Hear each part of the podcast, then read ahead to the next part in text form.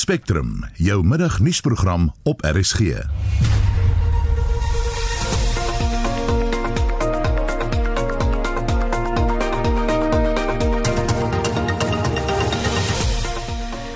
die program ewige reaksie volg op 'n voorstel dat Suid-Afrikaners nog geld aan 'n regeringsfonds moet betaal. Ons kyk na die voor- en nadele daarvan.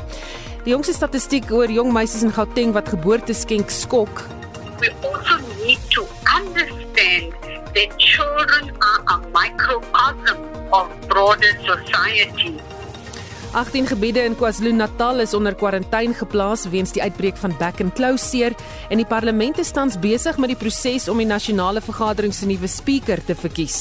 Since more than one candidate has been nominated, a secret ballot will take place now. In I now suspend the proceedings to allow the returning officer to prepare ballot papers.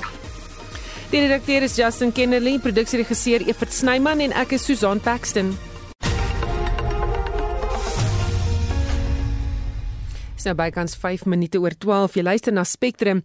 As 'n nuwe voorstel deur die regering aanvaar word, sal Suid-Afrikaners 12% van hulle inkomste moet afstaan aan 'n regeringspensioenfonds. Die voorstel is in die Staatskoerant gepubliseer as deel van 'n van die regering se voorgestelde omvattende maatskaplike veiligheid en aftrede hervormingsplan of NSSF. Die fonds beoog om aftrede, werkloosheid en ongeskiktheidsvoordele te verskaf. Ons praat nou met die ekonom Ulrich Juberi oor. Goeiemôre Ulrich. Goeiemôre Susan. Wat presies stel die regering hier voor? Uh, bietjie Susan, ek dink hulle stel alles voor. Uh, wat jy nou daar genoem het, jy weet ons gaan nou 12% van ons inkomste gaan ons uh van ons verdienste gaan ons aan die staat oorbetaal en dan gaan ons sorg ehm um, vir die ehm uh, pensioen, hulle gaan sorg as ons werkloos raak, hulle gaan sorg vir ons as ongeskik raak. Hulle gaan sorg as ons begrawe moet word, lyk dit vir my. Uh dit die indruk wat ek kry en uh, die aanvanklike inligting wat mense het dit is hulle nou regtig probeer om op 'n baie groot skaal vir almal op 'n sosiale terrein te sorg. En nou is daar 'n paar probleme wat vir my nou voorkom in in eerste instansie hier gaan 'n geweldige administrasie moet wees. Eerstens om my en jou en almal se inkomste te verifieer. En goed, daar's maksimums, hè. Dat so um, om uh 2750 rand 'n maand, 2760 rand maand wat jy moet bydra op die maksimum. En dit is dan natuurlik nou met jou inkomste groepe. Maar ehm dan daai administrasie om elkeen se pensioen te reken wat hy nou kry, want uiteindelik word dit bepaal hoe lank het jy bygedra, op watter vlak het jy bygedra.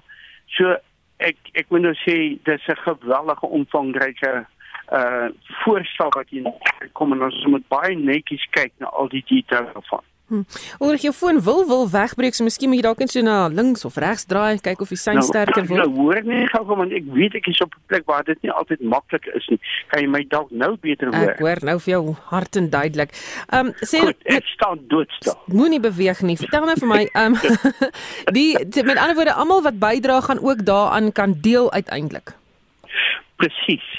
En jy weet as ek nou werkloos raak dan gaan dit nou ook my werkloosheidsversekering hanteer. Indien ek ongeskik raak, dan gaan dit ook dit hanteer. So, dit is 'n geweldige omvangryke voorstel wat hier na vore kom. Nou, aan die een kant sê ek nou goed, jy weet die administrasie wat moet kom. Hoe hanteer mens hierdie hierdie geweldige fonds? En nou as daai uitbetalings moet kom, hoe hanteer die staat dit? Moet ek nou na die poskantore wat dalk dan weer funksioneer gaan om my voordeel te kry. Uh gaan dit sommer net in my direkte rekening inbetaal word, maar daai administrasie gaan baie fyn voetwerk uh, vir so moet gesorg word. Die ander ding is natuurlik dat as dit 'n uh, fonds moet wees waarin almal behoort. En ek dink nou byvoorbeeld aan die pensioenfonds van die staatsamptenare.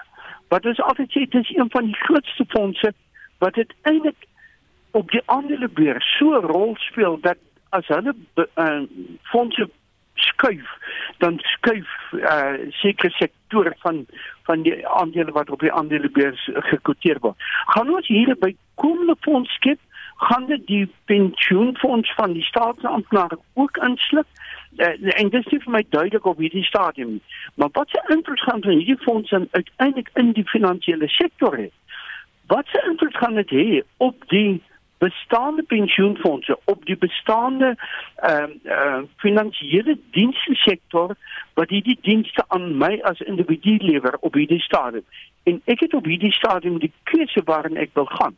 Nou terselfdertyd sê hulle dat as jy nou daai maksimum vlak bereik het dan moet jy nou in jou private danigheid ook gaan kyk na 'n private organisasie om daai pensioen van jou te bestuur. Maar ehm um, presies hoe die ding gaan werk, sal ons nog moet sien en ons uh, ons het nou tot ek dink 10 Desember tyd om te kom kommentaar te lewer op hierdie voorstel. Maar maar ek ek is net baie bekommerd as die staat uh, en en ons weet mos nou uh, die een ding wat ons pla is die korrupsie. Hoe gaan ons dit hanteer? Ehm um, gaan ons sorg dat hierdie ding piekfyn bestuur word dat daar baie goeie kundigheid is oor waarheen gaan hierdie fonds sy sy fondse plaas? Die ander bekommernis wat nou by my na vore kom is as hierdie fonds deur die staat bestuur word, gaan dit gebruik word om die infrastruktuur uh projekte van die staat te finansier en wat is dan my as pensionaris uiteindelik net se opbrengs op hierdie fonds wat nou dalk in staatsprojekte gaan belê het. En dit is op hierdie stadium uit die voorlopige inligting wat ek het nie duidelik oor hoe hulle dit gaan hanteer. Hmm. Maar hierdie voorstel nie mense nog meer afhanklik van die staat nie terwyl mens eintlik die teenoorgestelde wil hê. Uh, ja, ongelukkig. Want dit dit eh, dit, dit is regtig so uh, en jy weet uh, jy weet gesan ons het uh, in selfs die ontlaf daaroor. Uh, as jy mense nou gaan kyk na hierdie situasie, daai uh, uh, voorsorg wat vir jou getref word van die dag gebore word tot die dag doodgaan. En en die staat sorg vir jou. Uh, en dis lawigheid. En uh, en uh, dit is regtig 'n uh, ding wat ons moet voorkom dat ons almal al hoe meer afhanklik word van die staat. Ons moet 'n situasie kry waar ons sê maar die staat in Suid-Afrika het baie finansiële probleme. Ons moet minder afhanklik raak van die staat. Ons moet die ekonomie nie gaan kyk sodat elke van ons eerder ons eie werk kan hê en self kan voorsien. Net net terloops ook nog wat wat nou vir my 'n uh, interessante voorstel is dat selfs die mense wat vir hulle self werk in die informele sektor moet bydra. Hoe gaan ons daai ding administreer? Maar goed, uiteindelik is jy heeltemal reg. Die ander wat mense kry is hierdie ding gaan ons almal van A tot Z baie meer afhanklik maak van die staat en en ek dink net nie gegee ons ervaring oor die afgelope 27 is dit die pad wat ons moet loop in Suid-Afrika nie. Baie dankie, dit was die ekonom Ulrich Huber. In die afgelope 24 ure is sowat 14700 nuwe COVID-19 gevalle in die land aangeteken. Die meeste gevalle is aangeteken in die Wes-Kaap, gevolg deur KwaZulu-Natal en die Oos-Kaap. Om sin te maak hiervan, praat ons nou met uh, Dr Piet Streuger, verbonde aan Universiteit Johannesburg se Instituut van Toekomskennis en 'n data-analis by die maatskappy Panda. Goeiemôre Piet. Goeiemôre.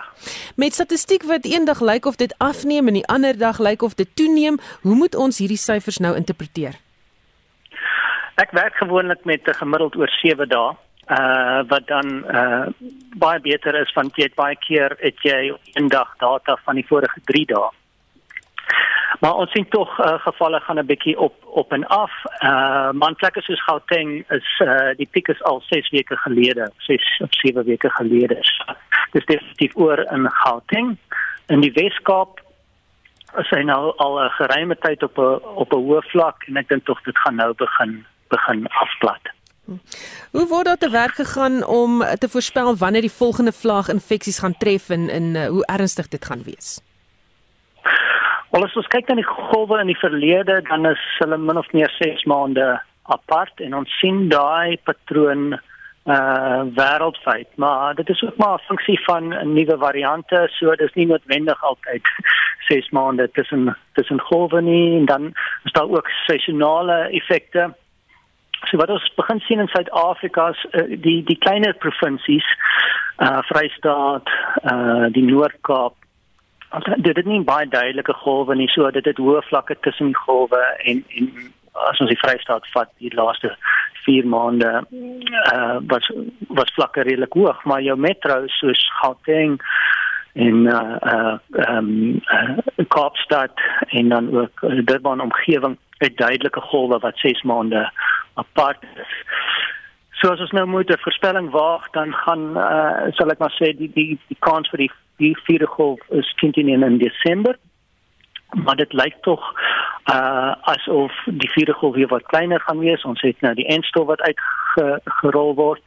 Ons kyk na die provinsies wat nou wel 'n kleiner derde golf het, dan is dit die Oos-Kaap en KwaZulu-Natal. En die rede hoekom hulle derde golf soveel kleiner is, is omdat meer mense al die siekte opgedoen het.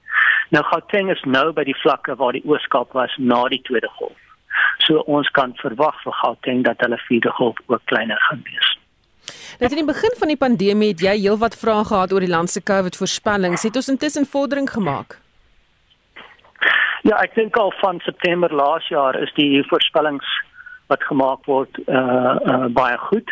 Uh die tweede golf het almal aangevang. So uh die offisiële modelleerders het nie 'n verslag of 'n voorspelling eens gehad vir die vir die tweede golf nie.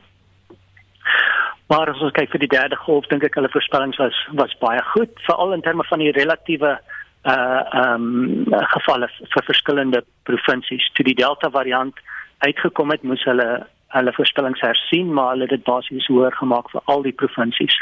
Maar as ons kyk na hulle hulle het al in April geweet dat Gauteng gaan 'n groot uh derde golf hê en hulle was absoluut reg daarmee. En hulle het aan, al in April geweet dat KwaZulu-Natal en die Oos-Kaap die kleinste derde golf ga, gaan hê en hulle was reg daarmee ook. Hmm. Baie dankie. Dit was Dr Piet Straiger verbonde aan Universiteit Johannesburg se Instituut van Toekomskennis en 'n data-analis by die maatskappy Panda. Meer as 23000 tiener swangerskappe is tussen April verlede jaar en Maart 2021 in Gauteng aangemeld. Die inligting is deur die ALR vir Gesondheid in Nomathemba Mokgethi bekend gemaak in antwoord op 'n vraag deur die DA aan die provinsiale wetgewer. Volgens Mokgethi is 934 babas gebore aan meisies tussen die ouderdom van 10 en 14 jaar. Winsie Mofokeng doen verslag. Kenners sê dat Suid-Afrika se tiener swangerskapkrisis vra laat oor die land se maatskaplike en strafregtelike beleid en die doeltreffendheid om gevalle van kindermishandeling korrek te hanteer. Dr Shahida Omar is van die Teddy Bear Kliniek. It's shocking, unacceptable. It's absolutely disappointing where children are having or giving birth to children themselves. What one needs to also appreciate and recognize that these are cases that are reported and there are many cases that are not reported. So the figure that is provided is not an absolute accurate reflection of what is happening on the ground. But I think we also need to understand that children are a microcosm of broader society. Omar sê dat kinders so jonk as 10 nie emosioneel of sielkundig in staat is om toestemming te gee nie. It's not that children are deliberately seeking out to become pregnant or that they're going out deliberately just about sexual gratification. We need to be clear on that. We find in our experiences on the ground working in this field with children is that many of them lack the agency or the autonomy to ensure the correct and consistent use of contraception or to access any kind of support or guidance around making informed positive choices. Dr Omar sê dat meisies in die meeste gevalle onder druk was. More than a third of girls are actually victims of sexual coercion. They've encountered sexual abuse or victims of rape And I think that is something that we cannot also forget. Many young girls are victims to predators. Dit was Dr. Shahida Omar van die Teddy Bear Kliniek. Ek is Vincent Mufokeng vir SAI Garnis. Die regering se belofte om pittoilette uit te wis word toenemend bevraagteken omdat die soort toilette steeds as deel van regeringsbehuising gebou word. Hoewel daar veral kommer oor die veiligheid van kinders is, sê kenners dat pitlatrines ook 'n negatiewe uitwerking op die gehalte van water het. Mitsie van der Merwe het meer. Inwoners is woedend oor die toilette in 'n informele nedersetting in Botshabelo buite Kolini. Our children are not safe, he says. They say they'll eradicate pit toilets at schools, but these children come here to use these same toilets. These toilets are not good for our children. They even fill with water when it's raining. They have insects which we don't know where they come from. They might give us diseases. These toilets are not safe. Even the councillor knows that. There are doors used to close. Now they don't even close. Intussen speel omgewingsfaktore 'n belangrike rol by die veiligheid van pittoilette. 'n Grondwetenskaplike van Noordwes Universiteit, Jasper Dreyer, sê dit is belangrik om die tipe grond in die gebied te beoordeel voordat 'n pitlatrine geïnstalleer word. In 'n konvensionele stelsel grond belangrik, kyk ons na um, pittoilette, speel grond net so 'n belangrike rol om te bepaal waar 'n pittoilet opgerig word. As ons kyk na grond, het ons grouwe materiaal wat ons die sandfraksie noem en dan aan die ander uiterste het ons kleigrond, baie fyn materiaal en elkeen het unieke fisiese eienskappe. Sou ons kyk die uiterste van sandgrond, sit ons met 'n grouwe materiaal, sou ons 'n pittoilet op sandgrond inrig, kan dit gebeur dat hoë vloeitempos van water in die grond gaan plaasvind en gaan ons hoë loging kry, maar daardie riool dan in die ondergrond water gaan inloog en dan aan die ondergrondse water kan besoedel. Dit kan ook sywaarts sypel en in riviere beland. So um, suiwer sandgrond kan 'n probleem veroorsaak. Sou mens kyk aan die ander uiterste na kleigrond, kry ons baie lae watervloeitempos in die kleigrond en dit kan keer dat riool in die ondergrondse water of in die um, riviere beland, maar wat kan gebeur? Daar kan 'n opbou van die riool plaasvind in daardie toilette wat dit kan veroorsaak as die gat nie baie diep is nie dat dit wel kan oorspoel aan en so op die oppervlak beland. Mikrobioloë sê daarby dat pittoilette bakterieë het wat ondergrondse water kan besoedel. Dr Lesego Molale Tom is 'n mikrobioloog van Noordwes Universiteit. With our pit latrines, it's a harbor for various microorganisms. And by a harbor I mean they can harbor bacteria such as Escherichia coli, Enterococcus, Salmonella, Vibrio cholera, you know, then viruses can also be found there. The SARS-2-CoV has been found in stools of people that tested positive for COVID. So there are chances that we can find it in the pit latrines. The exposure of the microorganisms in the pit latrine to groundwater is a problem because with the ground you get seepage and as they seep, microorganisms are very small, particularly the bacteria. They're able to seep down to the groundwater. Then you find in rural communities where there isn't proper sanitation, where water is not cleaned adequately, per instance, or where people rely on the groundwater. Molale Tom sê dit is 'n grondgesondheidsgevaar vir diegene wat hierdie water gebruik. We get Escherichia coli and Enterococci. They are known for causing gastroenteritis in people. So it's your typical stomach bug. Vibrio cholera, it causes cholera. When you ingest that water that has these microorganisms, you find that those microorganisms harbor specific resistant genes. You yourself are exposed to your genes. Terwyl die inwoners van Botshabelo op beter lewensomstandighede gehoop het, is dit duidelik dat die pitlatrines wat hulle moet gebruik nie vir kinders veilig is nie en ook 'n langtermyn invloed op die omgewing en hulle gesondheid kan hê. Tebogo Pakedi het hierdie verslag in Kolini saamgestel. Mitsi van der Merwe, SAK nuus. Die verkiesing van 'n nuwe spreker in die nasionale vergadering is aan die gang. Die pos is vakant nadat die vorige spreker, Tandi Modise, onlangs as minister van verdediging en militêre veterane aangestel is. Die voormalige minister van verdediging, Nosiviwe Mapisa Nkakula, het die ANC caucus benoem as hulle keuse om Modise te vervang. Verskeie oppositiepartye is hewig daarteen gekant en sê sy is nie geskik vir die pos nie. En Essie de Klerk het die of hou vir ons die verrigtinge dop. Estie, verduidelik vir ons hoe hierdie proses gewerk werk? Susan, 'n hoofregter moet die verrigtinge in, in die parlement lei en waarnemende hoofregter Raymond Zondo het regter-president John Sloppy van die Wes-Kaapse Hoog Hooggeregshof as voorsittende beampte aangewys vir die verkiesing in die parlement. En die verrigtinge het begin om 11:00 vanoggend deur politieke partye wat kandidaate genomineer het. My name is Kemi Castellina Pamela Majodina.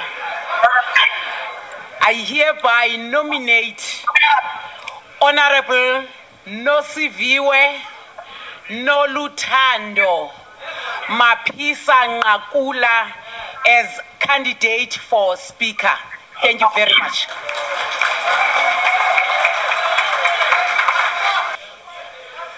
The Honorable Nosiviwe Noluthando Mapisa Ngakula has been nominated. Any seconder?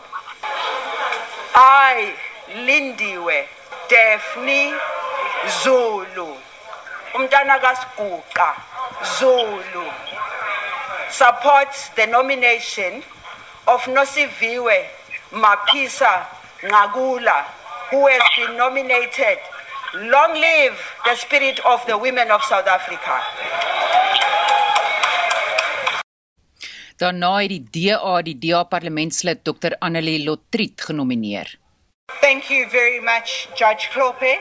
I Natasha Wendy Anita Matsone have the pleasure of nominating as Speaker of the National Assembly of the Republic of South Africa Dr Annelie Lotriet MP.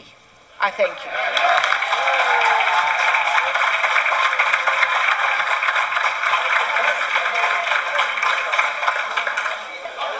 Any seconder? Honourable Judge, I hereby second the nomination. En dit was die DA-leier John Steenhuisen wat Dr Lotriet se nominasie daar gesekondeer het. Hierna het regter Kloppie gesê daar is twee nominasies, maar Dr Corneil Mulder van die Vryheidsfront Plus het gesê hy moet ook vra of daar enige ander nominasies is. En hoewel daar nie enige ander benoemings was nie, het Dr Mulder net daarop gewys dat alles volgens die korrekte prosedure moet geskied met die verkiesing van 'n spreker. Die grondwet bepaal ook dat parlementslede persoonlik in die parlement teenwoordig moet wees om te kan stem. Ja, Susan, niemand kan virtueel 'n stem uitoefen nie en omdat daar meer as een kandidaat genomineer is, bring parlementslede hulle stemme deur middel van 'n geheime stem uit. En as gevolg van COVID-19 protokol is hulle opgedeel in groepe wat net nou 'n paar minute gelede terug van 'n paar minute gelede terug af in alfabetiese volgorde geroep word om stembriewe te gaan haal en dan hulle geheime stemme uit te oefen. Die politieke ontleder Dr Nsekelo Breakfast het na die nominasies gesê net soos ander oppositiepartye wat nie alle ANC is nie alle ANC lede gelukkig met mpa, mpa, met uh, die die ANC se kandidaat wat genomineer is nie.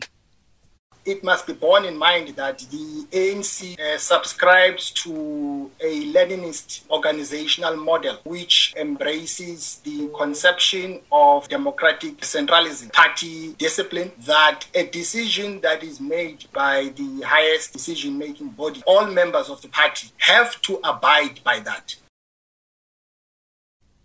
Levi Ndou het dat Mapisa se nominasie nie goed ontvang is nie. And that for me, it's a message enough that says that something might be wrong with the nomination of the ANC of Mapisa Ngakula. And whether we like it or not, the ANC is going to have sufficient time to justify or to make sure that Mapisa Ngakula is being accepted as the right candidate. Nou daar's ook ander groepe wat gekant is teen Mapisa Nkakula se nominasie.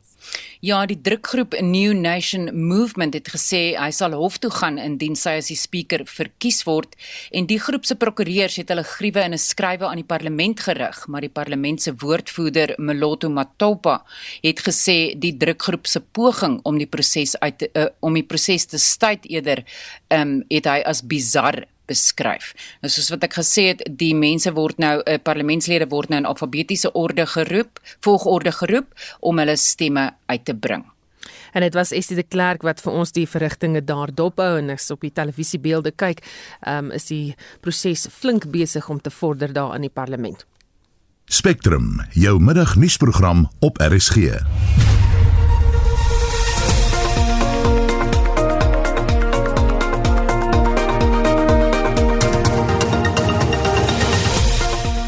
Hoofnuus in die program die verkiesing van 'n nuwe spreker in die nasionale vergadering is aan die gang. Twee Suid-Afrikaanse atlete wen medaljes in Rusland en Kenia. Ek is verskriklik gelukkig met my bronsmedalje. Daar was baie sterk kompetisie en dit was my eerste internasionale kompetisie, so ek het nie verwag om goud enigstens te wen nie. Ons egter ook ontevredenheid na 'n stoeier onttrek is aan die kampioenskappe in Rusland. Hulle wil hom hou dat hy by die gewig moet bly wat hy destyds was toe hy net gesonde gewig was. Wat 8 kg verskil is. Bly ingeskakel. Daar is geen verkeer. In KwaZulu-Natal staan 'n voertuig op die N3 Oos net na Lindfield Park wisselaar, dis in die linkerbaan, en in Gauteng staan 'n vragmotor op die N12 Oos net na die Gelulies wisselaar, dis in die middelbaan daar, en dit is jou verkeersnuus. Altesaam 18 gebiede in KwaZulu-Natal is geïdentifiseer en onder kwarantyne geplaas na die uitbreek van back and closure. 'n Protokol vir die beweging van gehoefde diere en 'n permitstelsel is in plek gestel om die verspreiding van die siekte te beheer. En ons praat nou hieroor met die voorsitter van die nasionale rooi vleisprodusente organisasie, James Faber. Goeiemôre James. Middag Susan, goed dankie jy. Met my gaan dit goed, maar vertel my bietjie meer van hierdie back and closure uitbreking of uitbreking daar is is die plekke wat in die provinsie uitgewys is redelik na mekaar. Ja, Susan, daar so is 17 gebiede wat daar in Matuba plaaslike munisipaliteit uitgewys is dat tanks en uh communal driving areas wat wat naby aan mekaar is en dan is daar een voerkraal wat by kry gebied is wat 'n verdagte geval is en dan een voerkraal wat dan ook onder kwarantyne geplaas is op die stadium in daai gebied. Wat behels die protokol vir die beweging van die diere wat nou in plek is? Uh die die belangrikste is daar mag geen diere uit daai gebied uit beweeg nie. Uh geen gesplete hoefdiere nie asook uh daar mag ook nie diere dwars deur daai gebied beweeg nie. Melk en uh wol is nie geaffekteer nie, maar wel uh en ook nie enige verwerkte produkte nie. Dit is seker die heel belangrikste wat daai in daai gebied is want dit is 'n siektebeheer area wat afgekondig is wat drie distriksmunisipaliteite insluit daar in die noordooste van Natal. Wat was hulle Natal? Watter raad kan jy aan vee eienaars gee om te probeer om die verspreiding van back and closure onder beheer te kry? Die heel belangrikste is die gereelde inspeksie van van hulle kuddes en van hulle diere. En indien dan enige verdagte gevalle gesien word, onmiddellik met die staatsveearts of die plaaslike dieregesondheidsbeampte in te tree dat daar onmiddellik werk gemaak kan word. Nee. Maak seker van waar kom jou diere vanaf en met wie meng jou diere in? Wie wat is vir met diere beweeg tussen jou diere rond? Jy weet iets iets soos uh, identifikasiestelsel van ontsettend van belang hier vir my. En dan natuurlik die samewerking tussen veeartsenydienste die, die van die staat, eienaars van die diere, abattoirs, voerkrale en veeartsenydienste van kardinale belang om die siekte te kan beheer. Baie dankie. Dit was die voorsitter van die nasionale rooi vleisprodusente organisasie, James Faber. Die junior wêreldatletiek byeenkoms het gister in Nairobi, Kenia afgeskop. Altesaam 54 junior Springbok atlete is daar om Suid-Afrika te verteenwoordig. Die 19-jarige Mireille Reinsdorf het gister goud gewen in paalspring. Esie de Klerk het meer besonderhede. Reinsdorf is een van 25 vroue in die Suid-Afrikaanse span. Van die 54 atlete is 12 vanjaar onder die wêreld se top 10 in hulle onderskeie sportkodes. Reinsdorf is 'n oud leerling van die hoërskool Outeniqua op George en is nou 'n student in BCom Aktuariële Wetenskap aan Stellenbosch Universiteit. Sy is nommer 19 op die junior wêreldranglys vir paalspringers en nommer 207 vir senior paalspringers. Sy het die goue medalje ingepalm toe sy op 'n hoogte van 4,15 meter oor die paalspringlat geseil het. Hiermee het sy ook die Afrika rekord vir paalspring van 4,10 meter verbeter. Sy het uit Nairobi laat weet sy is oorstelp van vreugde oor haar goue medalje. Ek is baie gelukkig en tevrede oor my prestasie. Daar was baie sterk kompetisie en dit was my eerste internasionale kompetisie, so ek het nie verwag om goud enigstens te wen nie. Ek het gedink dalk om 4de plek te kry, want ek het gemik vir 'n nuwe um, persoonlike beste, maar ek het nie gedink ek gaan enigstens 'n medalje kry nie, so die goud was net nog 'n bonus. Ek is net baie tevrede en trots op myself dat ek dit bereik het. Dit sit nie in enige paalspringer se broek om so 'n prestasie te kan bereik nie. En Reinstorff sê dit vat baie deursettingsvermoë om op internasionale vlak te kan deelneem. Ek oefen nogals hard. Ek oefen elke dag van die week. Die laaste week voor die kompetisie het ek bietjie minder geoefen, maar dit is maar harde werk. Ek oefen in die oggende en in die aande. En ja, dit vat maar tyd en soms werk alles nie so goed nie en dan moet mens maar net vasbyt en aanhou en weer probeer. Maar ja, dit is harde oefening. Sy het ook reeds haar volgende doelwit voor oë. Ek wil baie graag 420 spring. Ek wou by die kompetisie 420 gespring het en toe het nou 4.15 gespring. So ek dink my volgende mikpunt is nou 430 en hopelik kan ek kom spring nog binne hierdie jaar. En ja, dan sal ek wil ek graag volgende jaar is die Commonwealth Atletiek Kampioenskappe en ek sal graag wil kwalifiseer om soontoe te gaan. Dit was die 19-jarige paalspringer Mireille Reinstorff wat die goue medalje gewen het by die Junior Wêreld Atletiek Byeenkoms in Kenia. Ek is Estie de Klerk vir SAK nuus. Die Suid-Afrikaanse junior springbokstoeier Stein de Lange het 'n bronsmedalje verower by die Junior Wêreld Stoei Kampioenskap wat in Rusland gehou word. Twee Suid-Afrikaners het daar deelgeneem, weer Estie de Klerk. Die 20-jarige stoeier van Polokwane het gister sy bronsmedalje losgestoei in die 92 kg gewigsklas. De Lange sê die prestasie is vir hom 'n besonderse mylpaal. Ek is verskriklik gelukkig met my bronsmedalje. Dit is iets waarvoor ek nou al vir jare voorberei en uh, aand na aand bloed, sweet opoffer, naweke opoffer kuiers opoffer. Ek is verby gelukkig dat al daardie nou die moeite werd is. De Lange sê dit neem baie deursettingsvermoë om op internasionale vlak te kan deelneem. Om op 'n wêreldvlak te kan deelneem en uh, goed te doen vat definitief baie dissipline, vat baie van jou tyd. En ja, maar ek het dit opgeoffer en ek is bly dat dit alles die moeite werd was en hy het die volgende Olimpiese spele in 2024 in Parys in sy vizier. My verdere doelwitte is vir hierdie jaar sal ek eh, nog die Commonwealth qualifiers wil gaan stoei, kyk of ek volgende jaar kan qualify vir volgende jaar se Commonwealth Games en altyd enige sportman se doelwit sal altyd wees daardie groot groot eer om deel te wees van die Olimpies. Die president van Stoei Suid-Afrika, Sakkie Bosse, sê De Lange se prestasie is besonder.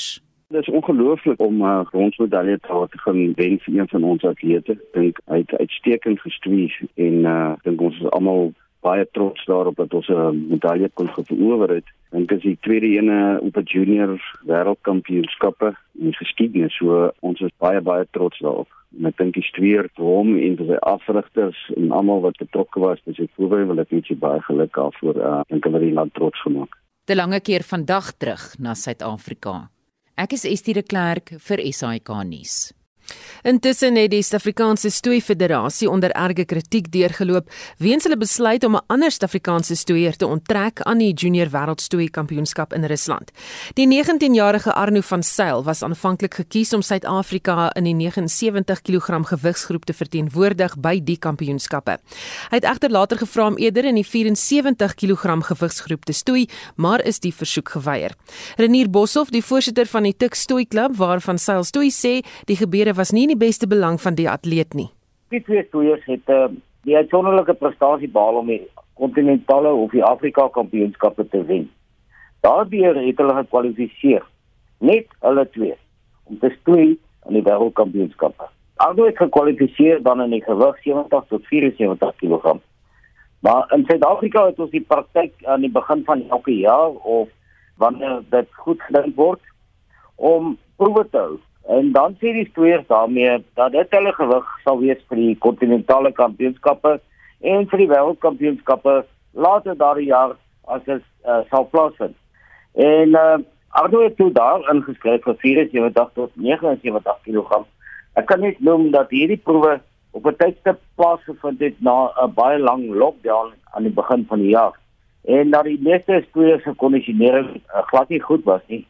Dit sê hulle uit die afseisoen weet of 'n verpligte afseisoen gekom het as gevolg van COVID. Uh Arno se gewig het baie vinnig verander soos 'n groot aantal stoeiers, ek wil amper sê die meeste het dit vanaf duidelik gebleik reeds in die begin van die jaar dat hy nie die 74 79 kg boot is. Dit nie dat dit nie uh hy moet gewig optel wat nie 'n gewenste uh ding is vir 'n stoeier om uh boot op te stoei en uh sy gewig baie belangrik is in stoei.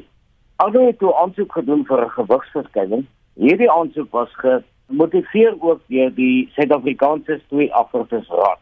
Aanbeveel Nou, kom ek verduidelik vir u vanaand die kriteria dan is the final where I call on the SASF grondwet. The final recommendation is for Resta is ready for international participation will be considered by the Coaches Council, it's now the African for final approval by the South African Executive Management. So dit is nou baie duidelik dat ehm um, dit voorstel 'n wisselwerking tussen die uitvoerende bestuur en die Afrikaanse Raad. Nou hierdie het nooit plaasgevind nie. Die Afrikaanse het aanbeveel dat die stoeier se gewigsbeskrywing goed gekeer word. Hulle is nie eens gekonsulteer nie.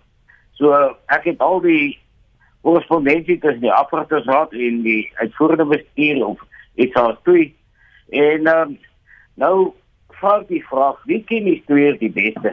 Die Afrikaanse wat elke dag met hulle werk en uh, wat weet wat dit sê om internasionaal suksesvol te kan meeding.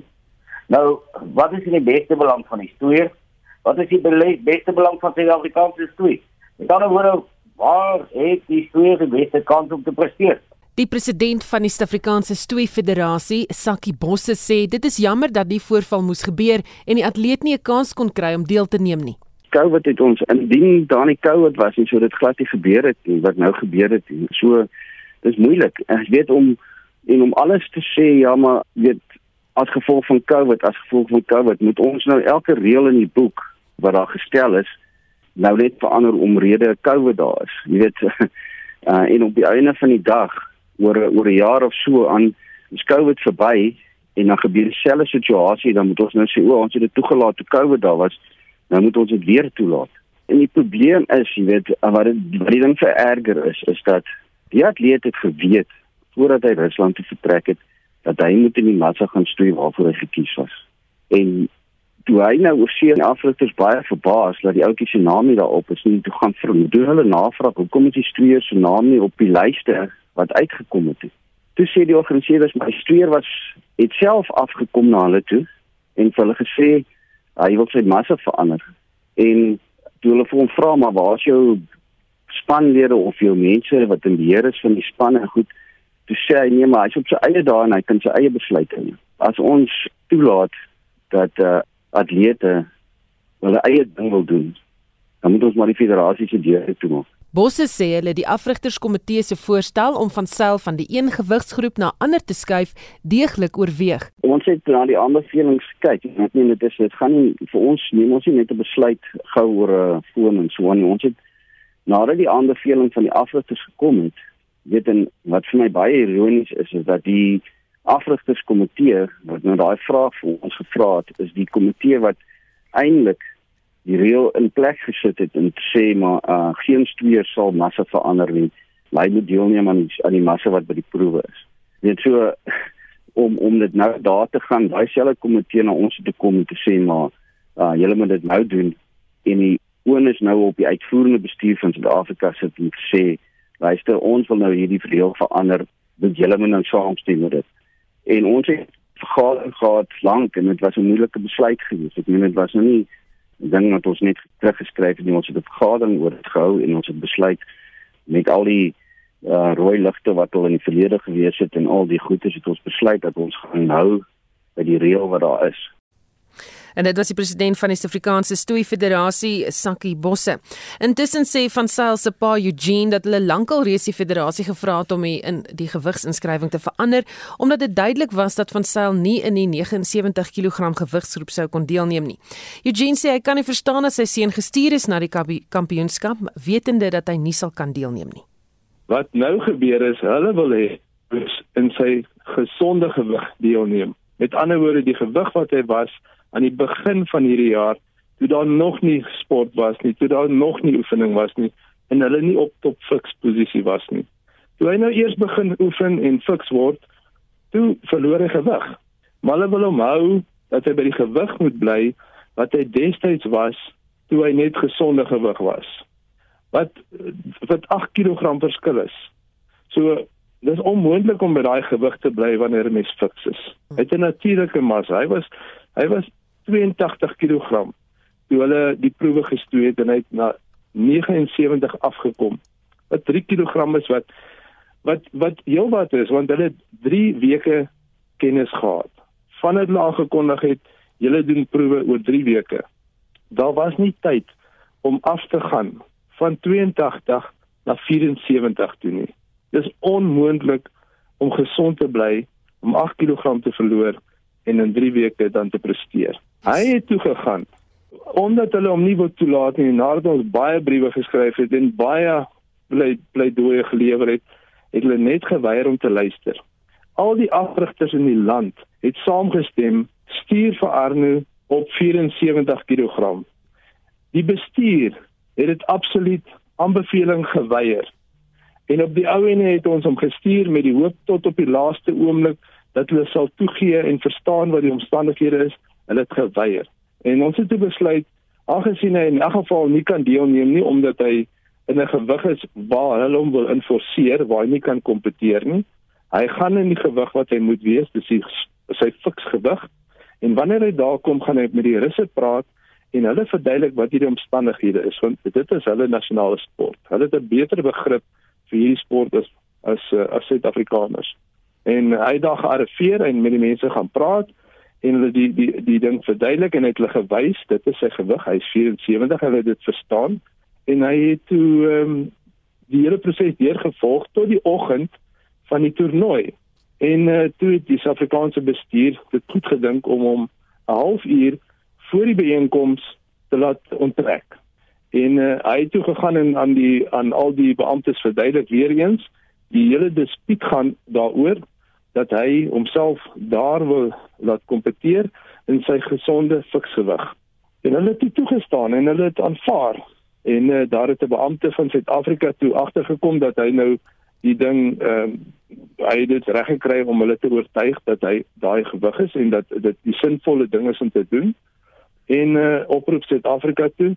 Suid-Afrika toe inderdaad weer 'n brief geskryf en uh, hulle het hom onttrek finaal op die ouene was daar geen meer tyd gewees om die ding verder te betwis nie en uh, my seun het duisende kilometer ver gery, gevlieg en uh, weke en maande en jare geoefen vir hierdie.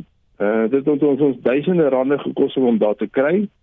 En uh, in steede van dat hulle 'n uh, bestuurs uh, besluit neem en sê laat hom toe om deel te neem, ons kan hom dissiplineer en wat aksies ook al neem wanneer hy terugkom, het hulle hom daai geleentheid ontneem. Hy is uh het 74 dis 74 was sy gewig. Dis ook die gewig waarop hy gekwalifiseer het by die Afrika spele of die Afrika stoei kampioenskappe um in verlede jaar. En daar is is daar dit word toegelaat dat 'n stoeier mag sy gewigsgroep waarna hy wil stoei kan verander.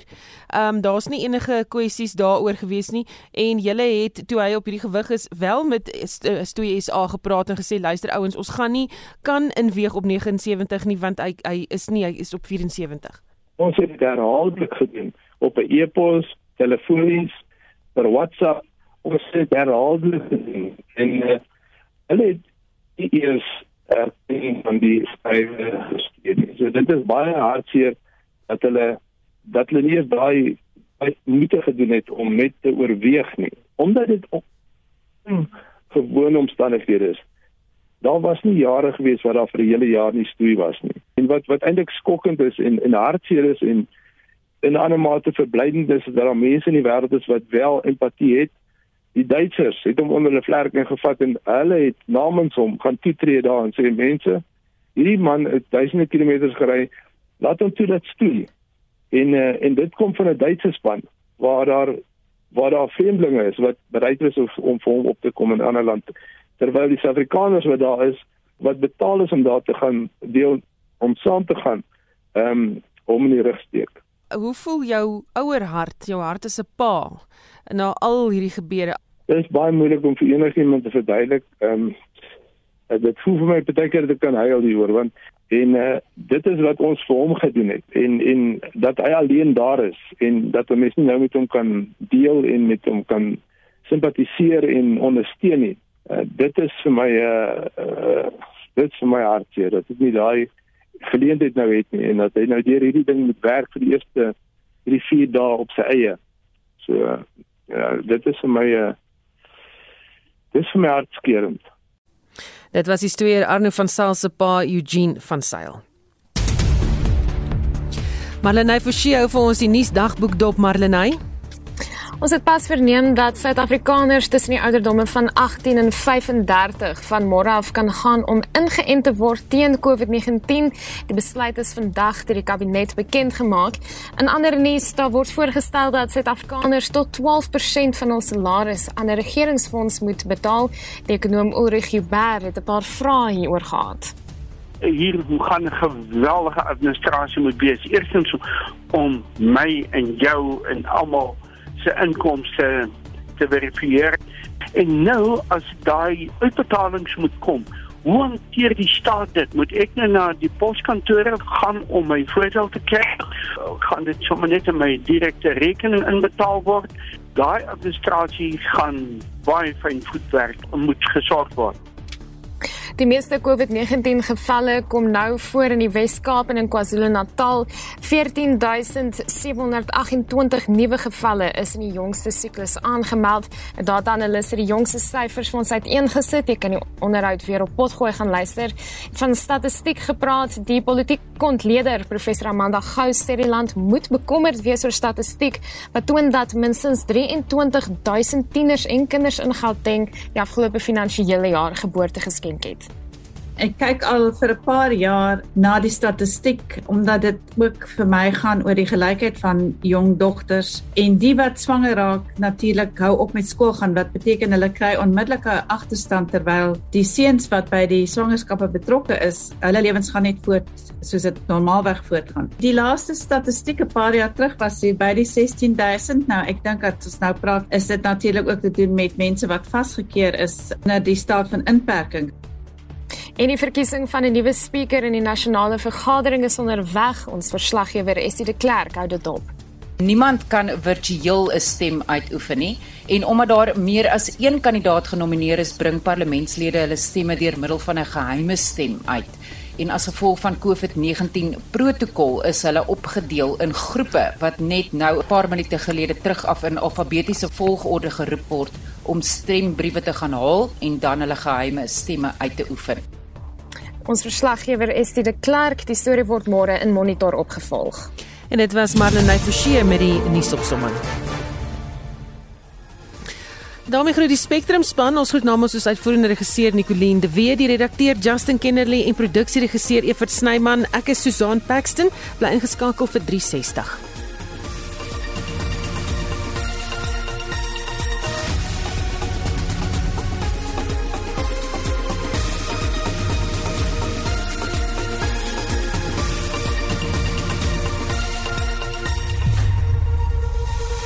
SAK nuus. Onafhanklik, onpartydig.